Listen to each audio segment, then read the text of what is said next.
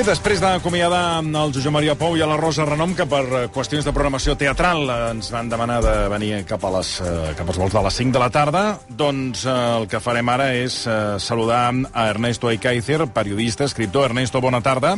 Molt bona tarda, Toni. Gràcies per acompanyar-nos. Um, per començar, per, uh, diguéssim, obrir ja el menú del dia amb l'Ernesto Ekaizer, començarem parlant del fiscal general de l'Estat que ha rebutjat aplicar la reforma de la malversació en totes les causes del procés. És a dir, Álvaro García Ortiz, designat directament pel govern espanyol, ha donat instruccions a tots els fiscals perquè no demanin rebaixes de penes. D'aquesta manera, coincideix amb el parer del jutge Pablo Llarena, que considera que la reforma legal pactada entre Esquerra Republicana de Catalunya, el Partit Socialista Obrer Espanyol i Podem no ha de beneficiar els exiliats ni els condemnats per l'1 d'octubre. Uh, bé, tenint en compte que l'ha designat directament el govern espanyol, com, com s'entén, Ernesto, que no avali aquesta reforma del Codi Penal? Bueno, yo creo que esto es el pistoletazo de salida de la campaña electoral. Eso, eso. No lo he escuchado bien. Ahora mejor. Yo creo que es el pistoletazo de salida porque, mm, digamos, eh, la campaña de Pedro Sánchez tiene que aporrear a Esquerra Republicana de Cataluña para de alguna manera desmentir a Feijóo y al Partido Popular y a Vox. Y por otro lado también tiene que distanciarse también en algunas ocasiones de Unidas Podemos, también para centrarse, entre comillas, respecto de las críticas de Vox y el Partido Popular. Yo creo que esto va a ser la campaña. Y, las normas que ha dictado el, fiscal general del Estado, el señor Álvaro García, que era el número dos de Dolores Delgado cuando esta era fiscal general del Estado, apuntan en esa dirección. Se ha plegado completamente, yo no diría a Llarena, yo diría a Manuel Marchena, porque el actor intelectual, el que ha construido la doctrina de eh, la aplicación del Código Penal de la reforma de los delitos de sedición y malversación es Manuel Marchena, que es el presidente de la Sala Segunda. Es él el que ha ideado este sistema, que es un sistema, eh, digamos, eh, muy hábil, le ha pegado una cof al gobierno, en el auto que hizo Arena y por, por otro lado, aparte, aparte de pegarle esa cosa al gobierno, eh, plantea que la malversación eh, puede seguir adelante tal como estaba planteada y por lo tanto es una coz a los eh, dirigentes independentistas que están esperando juicio y a los que están exiliados, y especialmente a Carles Puigdemont. Vostè el que acaba de dir que és molt interessant amb aquest eh, tret de, de sortida, petició seva, per il·lustrar que comença la campanya electoral. Això vol dir, Ernesto, que a partir d'ara començarem a veure més distància, és a dir, més, eh, més eh, com ho diríem, més picabaralles entre els, sos, eh, entre els que han estat donant suport a la legislatura, és a dir, entre Partit Socialista i Esquerra Republicana, entre Partit Socialista i Podemos, entre Partit Socialista i Bildo, és a dir, entrem ja en una nova fase, una fase més de, de distanciament, de, bueno, hasta aquí i a partir d'ara tierra de por medio, que vienen elecciones? escenificación. Es que es bona aquesta. Escenificación, es decir, aspavientos, eh, aspavientos que no quiere decir que no sean enfrentamientos, pero una vez conseguidos los presupuestos, Tony, ya te puedes permitir cualquier cosa, porque ya, ¿qué peor puede haber? ¿No es cierto? Ya está. Entonces, eh, conseguido esto, el gobierno ya tiene asegurado el, año eh, y por lo tanto puede haber un lugar para el teatro y para los, eh, los alejamientos, las escenificaciones. Yo creo que también por parte de Esquerra lo va a haber, también porque Esquerra, aunque no tiene planteadas elecciones inmediatas, hay elecciones en sí, sí, eh, municipales en, eh, en mayo, y por lo tanto aquí se abre una nueva fase de mímica, de digamos de boxeo y veremos eh, cosas que, bueno, eh, veremos cosas que ahora parecen eh, una herejía, pero las veremos. creo que de todos modos todo esto tiene una aplicación real. la aplicación real es que todas las y planteamientos, todos los escritos y todas las propuestas de las de los defensores de, de, los dirigentes independentistas van a chocar en el Tribunal Supremo con una, un muro de hierro y ahora con el reforzamiento de la Fiscalía, más todavía. Aquí la clave es volver al año 18, 12 de julio del 18. El 12 de julio del 18, el Tribunal Superior de Justicia de Schleswig-Holstein, en Alemania, está dispuesta a entregar a Puigdemont por malversación. ¿Quién dice que no lo acepta por malversación en una decisión inédita? que yo creo que no tiene antecedentes en la historia de los euroórdenes en, en Europa, el señor Pablo Llarena. Dice, yo no puedo aceptar que venga por malversación. Eh, esto desde el punto de vista del Código Penal es un delito. Un juez no puede dejar de perseguir si alguien ha cometido un delito. Y por lo tanto, en el caso de malversación en Alemania, no fue una entrega estrictamente automática.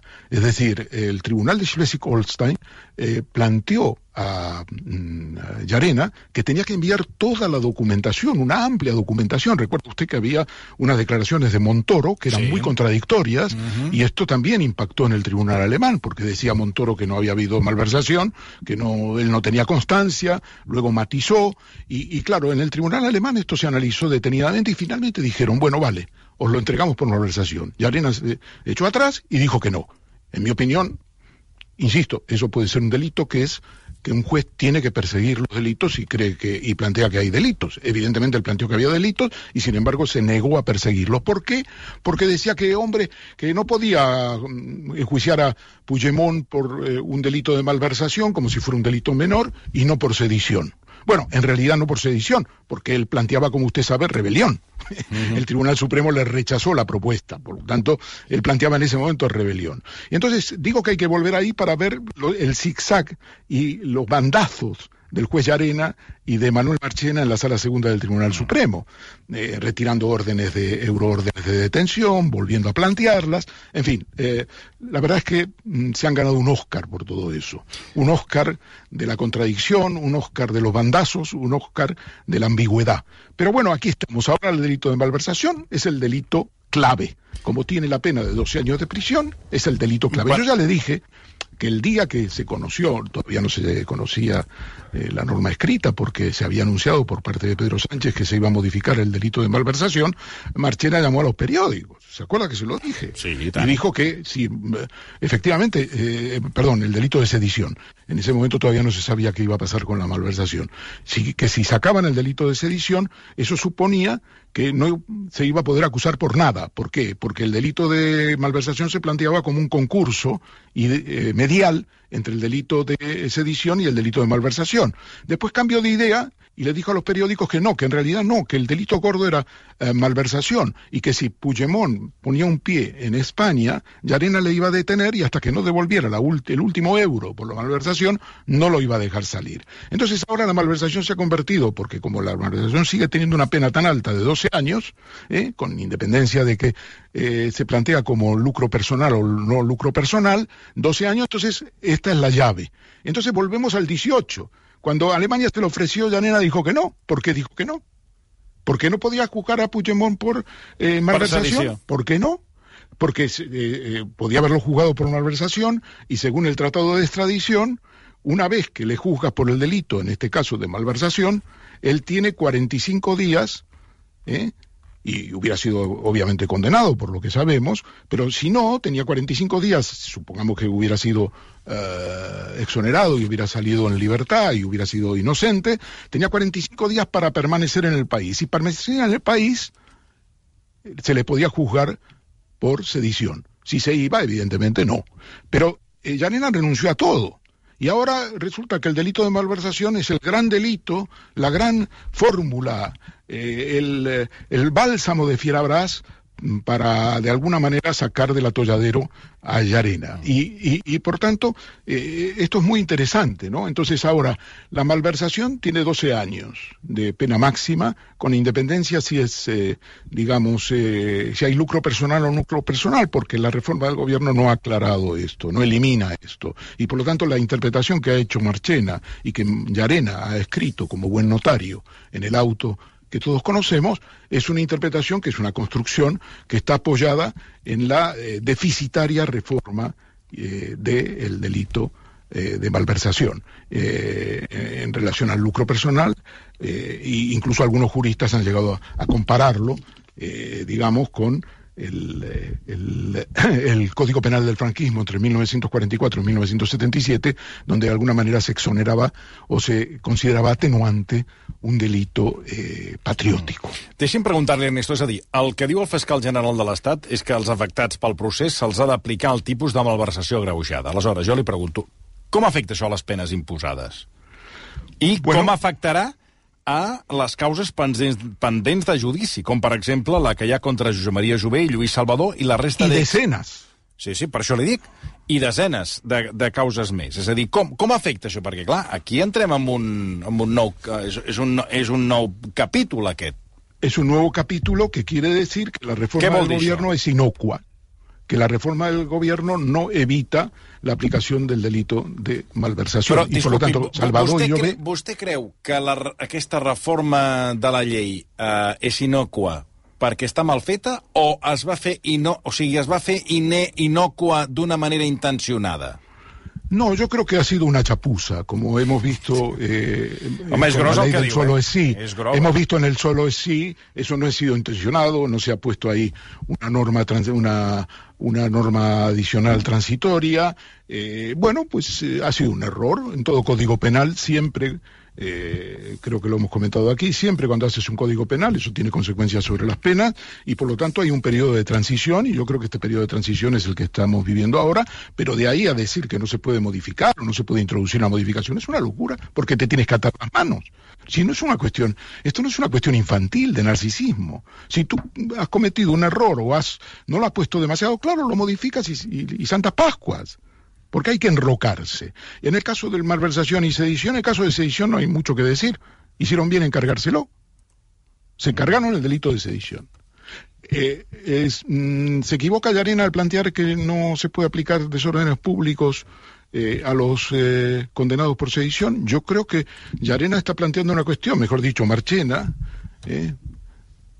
bajo el acta notarial que lleva Yarena, eh, Marchena lo que plantea es que ese delito de desórdenes públicos no se puede aplicar. Porque, Tony, veamos, ¿qué vas a acusar a Puigdemont, a Junqueras, de eh, los porrazos que les pegan a, a los ciudadanos en, eh, en, el colegio de, de Ramón Yul el 1 de octubre? ¿En el, en el CEIP de la Mediterránea, en la Barceloneta? ¿Le vas a acusar de eso? de que les pegaron a la gente. Si el delito de desórdenes públicos además afecta, afectaría solo a los dirigentes y los que participaron ahí. Uh -huh. Y los que participaron ahí en los colegios. Entonces, no tiene ningún sentido. Por lo tanto, el planteamiento de que eh, no se le puede aplicar eh, eh, los desórdenes públicos a la sedición eh, digamos, a mí me parece que es evidente que eso es así y que la eh, sedición ha desaparecido. Pero, en cambio, eh, están sustituyendo la gran pena de la uh, sedición por eh, los 12 años máximos de malversación. Es una ingeniería jurídica. En el fondo, el problema que hay aquí es que no hay, digamos, no se acepta eh, el, gobierno no lo ha planteado del todo claramente, es una reforma hecha de manera chapucera, eh, a la medida de Esquerra Republicana de Cataluña, pero sin contar con que eh, esto se interpreta por parte de los jueces. Y si no lo pones negro sobre blanco, la interpretación será la peor, no la mejor para el reo. Normalmente en retroactividad, en, en, nuestro Código Penal, es, digamos, lo que favorece al reo es lo que prima. Pues aquí tienes que plantearlo a la inversa. La interpretación será desfavorable al reo. No sé si m'explico. Sí, sí, no, no, i tant, i tant, que s'explica perfectament. Um, per cert, que la Fiscalia ha remès avui al Suprem la seva petició de revisió de condemnes del, dels líders del procés després de la reforma penal. Els fiscals que van liderar l'acusació en el judici per l'1 d'octubre demanen que es mantingui íntegrament la pena d'inhabilitació per Junqueras, Romeva, Turull i Bassa i que rebaixi a Forcadell, Forn, Rull i els Jordis. Són canvis que refereixen només a les penes d'inhabilitació perquè la, les de presó es van acabar amb els indults. Uh, Ernesto, es retira la pena corresponent a la sedició, però en alguns casos s'aplica el nou delicte de desordres públics agreujats i altres el de malversació agreujada, Uh, això anarà així o com anirà? És a dir, com, com s'aplicarà tot això? Perquè, clar... Eh, bueno, yo creo que esto va, esto va a plantear una serie... Yo creo que el recurso que presentaron los fiscales contra el auto de Llarena no va a tener ningún recorrido en el eh, Tribunal Supremo. Eh, no sé si lo hará un eh, pleno, una, una sesión plena de todo el tribunal, digamos, un, un pleno extraordinario de jurisprudencia, pero yo creo que no va a tener recorrido porque ya le digo, yo creo que ese, eh, ese auto está hecho con la inspiración de Marchena y Marchena es el presidente de la sala segunda. Por lo tanto, yo y no creo que los fiscales tengan expectativas de que se les admita eh, que se aplique el delito de desórdenes públicos en sustitución de la de la sedición, porque podrían de alguna manera justificarlo, digo yo, ¿eh? es una imaginación Sí. mía, en las manifestaciones del 20, del 20 de septiembre frente a la Consejería de Economía podrían decir, bueno, ahí hubo desórdenes públicos, pero al final esos desórdenes públicos se hicieron con una mediación. Jordi Sánchez Sí. y, y, y, Jordi Y Jordi hicieron de mediación. Hubo una mediación. Luego, pues, eh, en fin, no, eso no fue la sonada ni la insurrección que dice nuestro ínclito Daniel Baena, el teniente coronel que instruyó la causa y en el cual se inspira eh, el juez Llarena. Entonces, pues puedes, puedes plantearlo allí, pero yo creo que eso quedó muy claro luego en el juicio de, eh, en el juicio de eh, del eh, mayor de los mozos, Sí, es el decir, mayor trapero, sí. Trapero, todo eso se analiza con detalle. Y hay una sentencia que a mí me parece muy relevante sobre los hechos que pasaron el 20 de septiembre, que es diferente de la sentencia del Tribunal Supremo. Eh, por lo tanto, yo veo muy, muy difícil el tema de los desórdenes públicos, aplicarlo y, su- y sustituir, su- sustituir la sedición. La sedición ha, ha desaparecido. En el caso de Jordi, en el caso de Juvé y de Salvador, no hay sedición, hay malversación, y ahí está el problema. Ja. Escolti, canviem de qüestió. Um, Pedro Sánchez considera que és de sentit comú demanar a la banca un esforç més gran a través de l'impost temporal a entitats financeres perquè els banquers guanyen mol, molts diners. De fet, les últimes dades de l'autoritat bancària europea, que aquesta és, és per subratllar, situen Espanya com el lloc on es concentra el gruix de directius bancaris amb els sous més alts de la Unió Europea. És més, el que més cobra està a Espanya. A què treu cap ara que el president espanyol posi ara aquest tema sobre la taula? Bueno, yo creo que el presidente eh, Sánchez está trabajando en un programa, digamos, de izquierdas en el terreno económico desde hace ya muchos meses. Me parece que esto no es nuevo. Eh, hemos visto con los impuestos al sector bancario y al sector eléctrico, y ahora viene el tema de los banqueros precisamente porque eh, se basa en información de la Unión Europea. Yo creo que en España el problema, Tony, el problema que yo veo Sí. es que cuando la banca pierde, como en el año 2008, 2007, los salarios de los ejecutivos son lo más altos posible. Cuando los ejecutivos hunden a la banca, eh, sus salarios son los más altos del mercado. Y cuando los cuando los bancos ganan, también son mucho más altos que los del Nunca resto de los no, países. no, nunca pierden, ¿no? Nunca pierden, pero para ellos eh, no, no se juzga su buen hacer, su, eh, su, digamos, su profesionalidad, siempre ganan. Y realmente los sueldos son desmedidos. Y por lo tanto hay que ponerle un tope. Hay que ponerle un tope. Esto no es demagogia. Esta es una realidad. Los salarios eh, eh, en España han perdido poder adquisitivo por el avance de la inflación. Es una inflación momentánea, ya lo he dicho yo varias veces en este programa. El Banco Central Europeo se equivoca, no debió haber subido los tipos. Ahora parece que empiezan a pensar en bajarlos en el mes de mayo. Pero es que no debió hacerlo, porque lo que hizo eso es desacelerar la situación, la, la actividad económica. La economía española ha crecido un 5,2%, según la cifra del Fondo Monetario Internacional, en el año 2022. 5,2% frente al pronóstico de Feijóo que se iba a hundir. Oiga, 5,2%, veremos a ver lo que da este año. Pero este año va a haber una desaceleración, no cabe duda, Sí, porque hay una caída de la demanda y tal. Pero aún así vamos a ver si hay recesión. Todos los indicadores no son indicadores, son indicadores de una desaceleración del crecimiento, pero una desaceleración del crecimiento no es recesión. Sin embargo, los salarios, porque ha habido una especulación de beneficios, ha sido una inflación de beneficios y no de eh, salarios, ¿eh? han perdido mucho poder adquisitivo. Y ese poder adquisitivo hay que restituirlo. Desde luego no se va a hacer de golpe, porque eso alimentaría una, inflación, una espiral inflacionista. Pero yo creo que el planteamiento respecto al sector bancario eh, es eh, muy, muy eh, atinado. Y luego, pues, la respuesta de los empresarios, como es el caso del señor Roch, eh, eh, usted ha visto estos días diciendo que no, que son los empresarios los que crean la riqueza.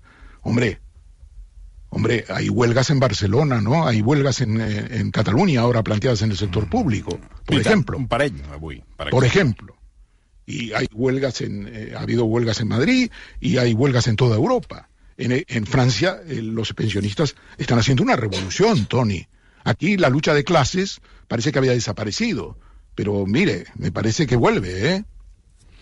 Escolta, vostè, vostè assegura... Eh, bueno, fa un moment hem començat aquesta conversa amb aquest tret de sortida de la campanya electoral, eh, que està, està molt bé. Eh, ara hi ha una certa discussió a quan seran les eleccions eh, espanyoles, és a dir, les eleccions del govern espanyol.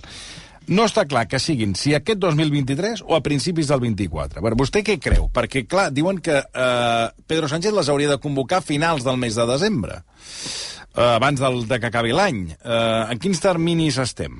No, yo creo que el gobierno, yo creo que yo lo he explicado en su momento. Sí, no però sé si com lo- que veig que hi ha gent públicamente. que, que insisteix amb el que han de ser abans del, de que acabi l'any, per això li pregunto eh, que ens ho Sí, expliqui yo, d'una yo moment. creo que el gobierno ha pedido un dictamen. Yo creo que, no sé si lo explicó públicamente, pero a mí me lo explicó Iseta. o a lo mejor comete una indiscreción, pero bueno, oye. Bueno, ara, ja, ara, perdonar, ara ¿no? pensi que Se no, puede no, no, no ens escolta ningú. Eh, no, no nos escucha a nadie, realmente no nos escucha a nadie. Somos líder, pero no nos escucha a nadie. Eh, pero no, yo creo que el gobierno pidió un dictamen eh, legal a sus abogados eh, sobre cuál era el tiempo máximo para convocar elecciones. Y eso, de ahí sale finales de enero, primeros de febrero del 2024. Com ho ha dit, això? Perdoni, que, ho ha dit, sap? Amb... Pidió un dictamen. Sí, sí, no, no, dic, però convoca- vostè diu que ho situa el 2024. Final de enero, Sí, sí, sí. primeros, primera semana de febrero del 2024. Ah, És que aquí hi ha molts que se situen les eleccions abans de que acabi el 23. Per això li preguntava, perquè, clar, Pues yo le cuento esto del dictamen. perquè això canvia, canvia bastant. Un... Pedro Sánchez va a hacer todo lo posible para que las elecciones, eh, contra lo que dicen algunos columnistas y el propio presidente això. permanente Pablo Iglesias, eh, eh, para que las elecciones se lo más tarde posible. Él tiene una expectativa muy grande en, en, en el papel que va a jugar España en la, en la presidencia europea. Yo creo que él va a ser un, hizo un, un show, eh, vamos, de primer nivel, de Netflix, con el, la OTAN y hará una presidencia europea que va, sobre todo, dirigir a cohesionar sus propias filas al propio eh, partido. Pedro Sánchez está muy interesado en, digamos, recuperar escaños, recuperar una fidelidad que había perdido en los últimos años de su propio electorado. Quiere movilizar a la izquierda con un programa socialdemócrata de izquierda y en eso va a separarse de Podemos y va también a separarse de los independentistas. Se abre un periodo donde va a haber eh, disparos a perdigones. Escolti, ja per acabar, en un article que va publicar ahir vostè al periòdic, vostè torna a recórrer la fórmula de dirigir una carta oberta, en aquest cas al president del Tribunal Constitucional, Cándido Conde Pumpido, per analitzar a fons el cas del diputat canari Alberto Rodríguez, recordem que està, se li va retirar l'escó. Eh, li pregunto com està aquest tema i si creu que el Tribunal Constitucional ho resoldrà doncs, abans de les properes eleccions que ara apuntàvem, 2000, gener del 2024, que apuntava vostè. Bueno, ahora, como ha dicho usted que no nos escucha nadie, le voy a dar una fecha, tome nota. A. El escaño de Alberto Rodríguez será restituido en el mes de marzo del 2023. Carai. Una respuesta concreta, una pregunta No, no. concreta. No, no, és que més clar. Lo que yo le digo es Sí, que, sí. eh, eh, primero, la, desestima- la estimación del, recu- del, de la- del recurso de amparo de Alberto Rodríguez pasa por resolver una cuestión cautelar, está abierta la cuestión cautelar. Las cautelarísimas, es decir, la devolución del escaño sin escuchar a las partes, que es lo que debían haber hecho, no se dan porque las cautelarísimas, hasta que ahora han aprobado a finales de diciembre este recurso absolutamente estrambótico del PP, eso no se hacía en el Tribunal Constitucional, solo se hizo para el PP. Cautelarísimas nunca. ¿Por qué? Porque las cautelarísimas son de extrema urgencia. En este caso no había ninguna urgencia. ¿Por qué ibas a evitar que el Parlamento decidiera una ley? En el caso del PP. En el caso de Alberto Rodríguez sí hay una urgencia, porque a él se le aplicó una pena de 45 días de inhabilitación y en lugar de aplicarse esa pena, se le echó del Congreso por toda la legislatura. Y eso sin motivar. Y usted dice, ¿cómo dice usted sin motivar? Le digo eso, sin motivar. La presidenta Merichel Batet no lo motiva, no le explica por qué, le dice que le echa, pero no le dice por qué. Habla de una sentencia, pero esa sentencia no plantea que le tiene que echar. Es su conversación con Marchena y sus conciliábulos, que tampoco sabemos exactamente en qué consistieron, lo que la lleva a ella a desistir de su idea inicial y de la que le dicen sus propios letrados en el Congreso, y donde dice que no le va a echar, luego le echa. Y eso no lo motiva, no se lo dice a él, y él le pide motivación a Alberto Rodríguez, y ella no se lo da. Por lo tanto, no motivar una, una decisión, una decisión de talto calibre que ataca el artículo 23 de la Constitución española, que es el derecho a la representación de los ciudadanos y el derecho de los eh, eh, diputados de su integridad, eso ha sido atacado y sin motivar. Son dos cosas distintas. Y entonces, ¿qué pasa? ¿El escaño se le va a restituir? Yo creo que lo que pasa es que han tardado muchísimo, porque esta medida cautelar la pidió en enero del 2022 y estamos ya en la fase final de la, legisla de la legislatura. Sí, sí, això le preguntaba, claro. Entonces yo, ese artículo, esa carta al presidente, el señor Candico Contepuntivo, plantea los temas. Es decir, aquí hay ya el fiscal, el jefe del Tribunal Constitucional, el señor Pedro Crespo, dice hay que devolverle el escaño, porque la señora Batet se excedió. Ni más ni menos que 45 días, lo dijo la fiscal del Tribunal Supremo, Isabel Rodríguez, cuando le pidieron que suspendiera, que se suspendiera la, la sentencia.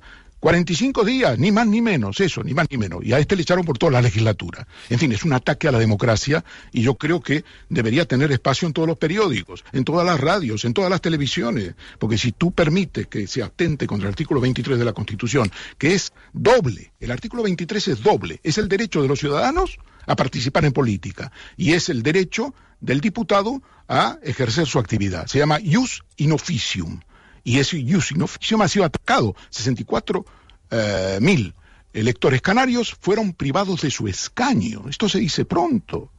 Y estamos aquí discutiendo si va a ser un mes antes o después la restitución de ese escaño. Vamos. Yo creo que es fundamental, si el Tribunal Constitucional quiere restituir sus lazos con la sociedad, esto es lo primero que tiene que hacer. Y usted me dirá, bueno, pero el aborto es más... Mire, el aborto es muy importante, pero el aborto ya no le suscribe ni siquiera al PP. El recurso del PP, el PP no lo suscribe y no ha tenido ningún interés. ¿Por qué le digo esto? Porque Rajoy estuvo en el gobierno y podía haber derogado, podía haber restituido la ley, hecho una nueva ley y restituido. Sin embargo, no lo hizo. No lo hizo. 12 años y medio en, un cajón. Sí, sí, y entonces es, ese es ese recurso tan importante. Yo creo que, como yo le digo al señor Conde Pumpido, yo entiendo el carácter simbólico por el cual el primer pleno importante que va a haber el 7 de febrero tiene que tratar un recurso que ya lleva 12 años en el congelador. Eso lo entiendo, pero muchísimo más simbólico es el de Alberto Rodríguez, que en el año 2021, el 22 de octubre de 2021, lo echa Merichel Batet del Congreso sin motivarlo y además excediéndose en lo que le pide la Sala Segunda del Supremo en su sentencia contra el señor Rodríguez. Eso es más urgente y es muy simbólico porque es un ataque al artículo 23 de la Constitución. ¿Qué es la democracia? Pues eso. Ernesto Icaizer, moltíssimes gràcies per acompanyar-nos aquesta tarda. Una abraçada molt forta. Gràcies, tot, tot, gràcies. Adéu-siau, Ernesto Icaizer, que ens ha apuntat quan podrien ser les eleccions, finals de gener, principis de febrer, i eh, doncs aquesta resolució de qui va ser apartat de la seva, del seu escó com a diputat, Alberto Rodríguez, cap als vols del mes de març.